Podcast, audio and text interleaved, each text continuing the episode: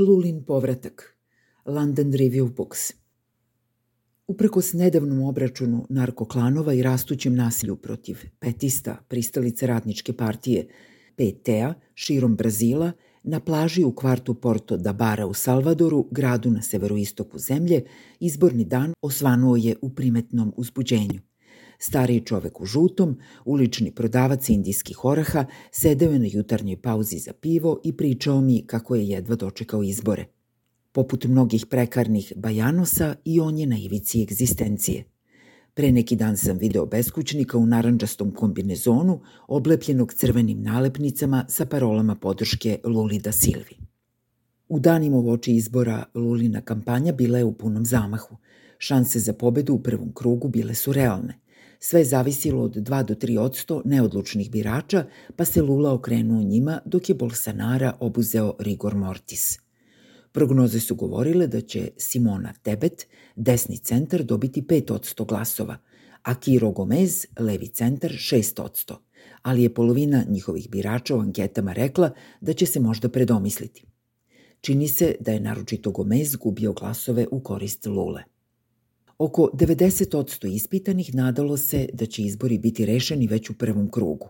Dok su ankete govorile da se podrška Luli kreće oko 50%, Bolsonaro je tvrdio da je pobeda njegova, koristeći za kampanju i prilike kao što su Generalna skupština UN-a i sahrana Britanske kraljice. Njegov sin Eduardo je nedavno pokušao da cenzuriše priču o porodičnoj kupovini 51 nekretnine gotovinom, što se izjalovilo i vratilo temu na naslovne strane. Čak je i uticajni TV voditelj William Bonner priznao da je bivši predsednik Lula bio nevin kada je osuđen na robiju. U poslednjoj predsedničkoj debati u Riju Gomez i Tebet su napadali Bolsonara, a ne Lulu.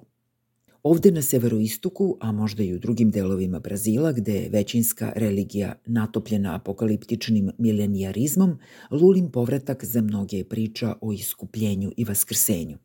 Na jugoistoku, u centru demografske, političke, ekonomske i kulturalne moći, umetnici i poznate ličnosti kao što su afro-brazilski glumac i reditelj Lazaro Ramos i reper Emesida snimaju selfije sa Lulom. Oni predstavljaju novu antirasističku kulturalnu elitu. Muzičari i pevači snimali su spotove za njegovu kampanju – Privlačna melodija sa dobrim refrenom jedan je od najboljih načina da se dopre do šire javnosti, naročito u Brazilu. Caetano Veloso i Gilberto Gil predvodili su publiku u Riju pevajući Ole, ole, lula, lula. Trajalo je to mesecima. Širom Bahije pesma Luli odjekivala je na koncertima i uličnim plesovima sambe – Nakon Lulinog intervjua kod Bonera na TV Globo, sa salvadorskih prozora orilo se Bolsonaro napolje i napred Lula. Bubnjalo se i plesalo na ulicama. Delimično zahvaljujući naporima Lulinog kandidata za potpredsednika Geralda Alkmina, ključne ličnosti sa jugoistoka iz krugova biznisa, prava, medija, politike, akademije umetnosti, uključujući mnoge koji su 2017. podržali presudu protiv Lule, sada su javno stali uz njega kao demokratskog kandidata. Među prebezima na visokom nivou su i dva bivša šefa Vrhovnog suda, Selšo de Melo i Joaquim Barboza.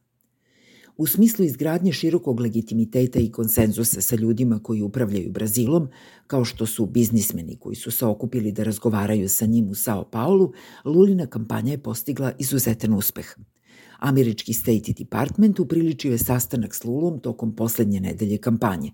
Thomas Shannon, bivši američki ambasador u Brazilu, izjavio je da bi Washington radije video Lulu na funkciji i da očekuje da će Bolsonaro poštovati izborne rezultate. Na TikToku su snimci koji kritikuju Bolsonarov učinak na funkciji postali viralni, dok je Lula beležio značajno vodstvo među mlađim biračima, starijima, ženama, siromašnima i afro-brazilcima – kategorije koje se svakako preklapaju. Dosad se nisu ostvarili strahovi od demonstracije policijske, vojne i paravojne sile u znak podrške Bolsonaru. Ništa ne ukazuje na to da je vojska uz njega, mada postoje sumnje u vezi sa policijom. Dan nezavisnosti 7. septembra obično se obeležava civilno-vojnim paradama sa učenicima osnovnih i srednjih škola, policijom i oružanim snagama, verskim vođama i građanima. Ovoga puta slavila se 200. godišnjica nezavisnosti Brazila i groteskni spektakl se nije mogao izbeći. U nastojanju da se obrati ženama i pokuša da osvoji njihove glasove, Bolsonaro je svojoj supruzi izjavio ljubav, pominjući svoj penis i sposobnost da ga koristi, da bi je zatim silom poljubio. Jedan od vodećih medija je to nazvao krimi čančadom, jeftinom komedijom. Ostatak sedmice Bolsonaro je proveo u vožnji na džetskijama i motoru i u vređanju novinarki. Možda očekujući poraz, njegovi sledbenici prete, ponižavaju i ubijaju Luline pristalice. Ni u jednoj kampanji do sad, čak ni 2018. kada je kompozitor i majstor kapuere Moa de Katende izboden na smrt u Brotasu, nije bilo tako puno nasilja i napetosti.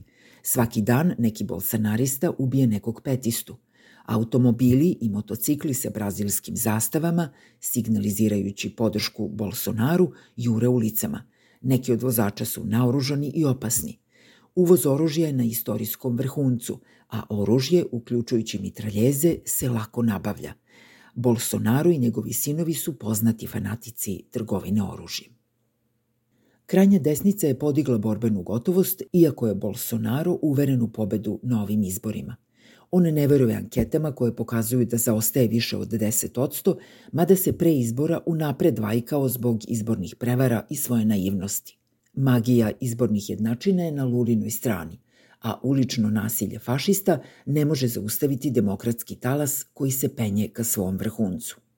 Iako su ljudi na oprezu spremni na porast nasilja protiv lulinih pristalica, posebno nakon objavljivanja rezultata 2. oktobra, kada su moji studenti masovno ostali kod kuće, u gradu Salvadoru se vrše pripreme za proslavu na ulicama priobalnih gradskih opština Rio Vermelho, uporište PTA i Porto da Bara.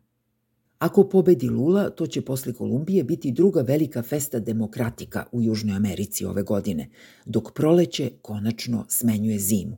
Ako ne u noći 2. oktobra, onda posle drugog kruga 30. oktobra. Kao što je tokom kampanje Lula rekao Bolsonaru u Riju, narod će vas oterati.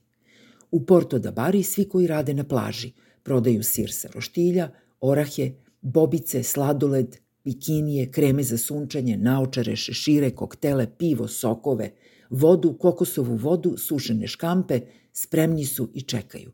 Nadaju se da je kucnuo čas za slavlje. Sačekaće drugi krug izbora. Onda se postavlja pitanje da li će Bolsonaro i njegovi sinovi biti izvedeni pred sud ili će na svojim motorima odmagliti u zalazak sunca ka nekoj od zalivskih monarhija, napušteni od svih.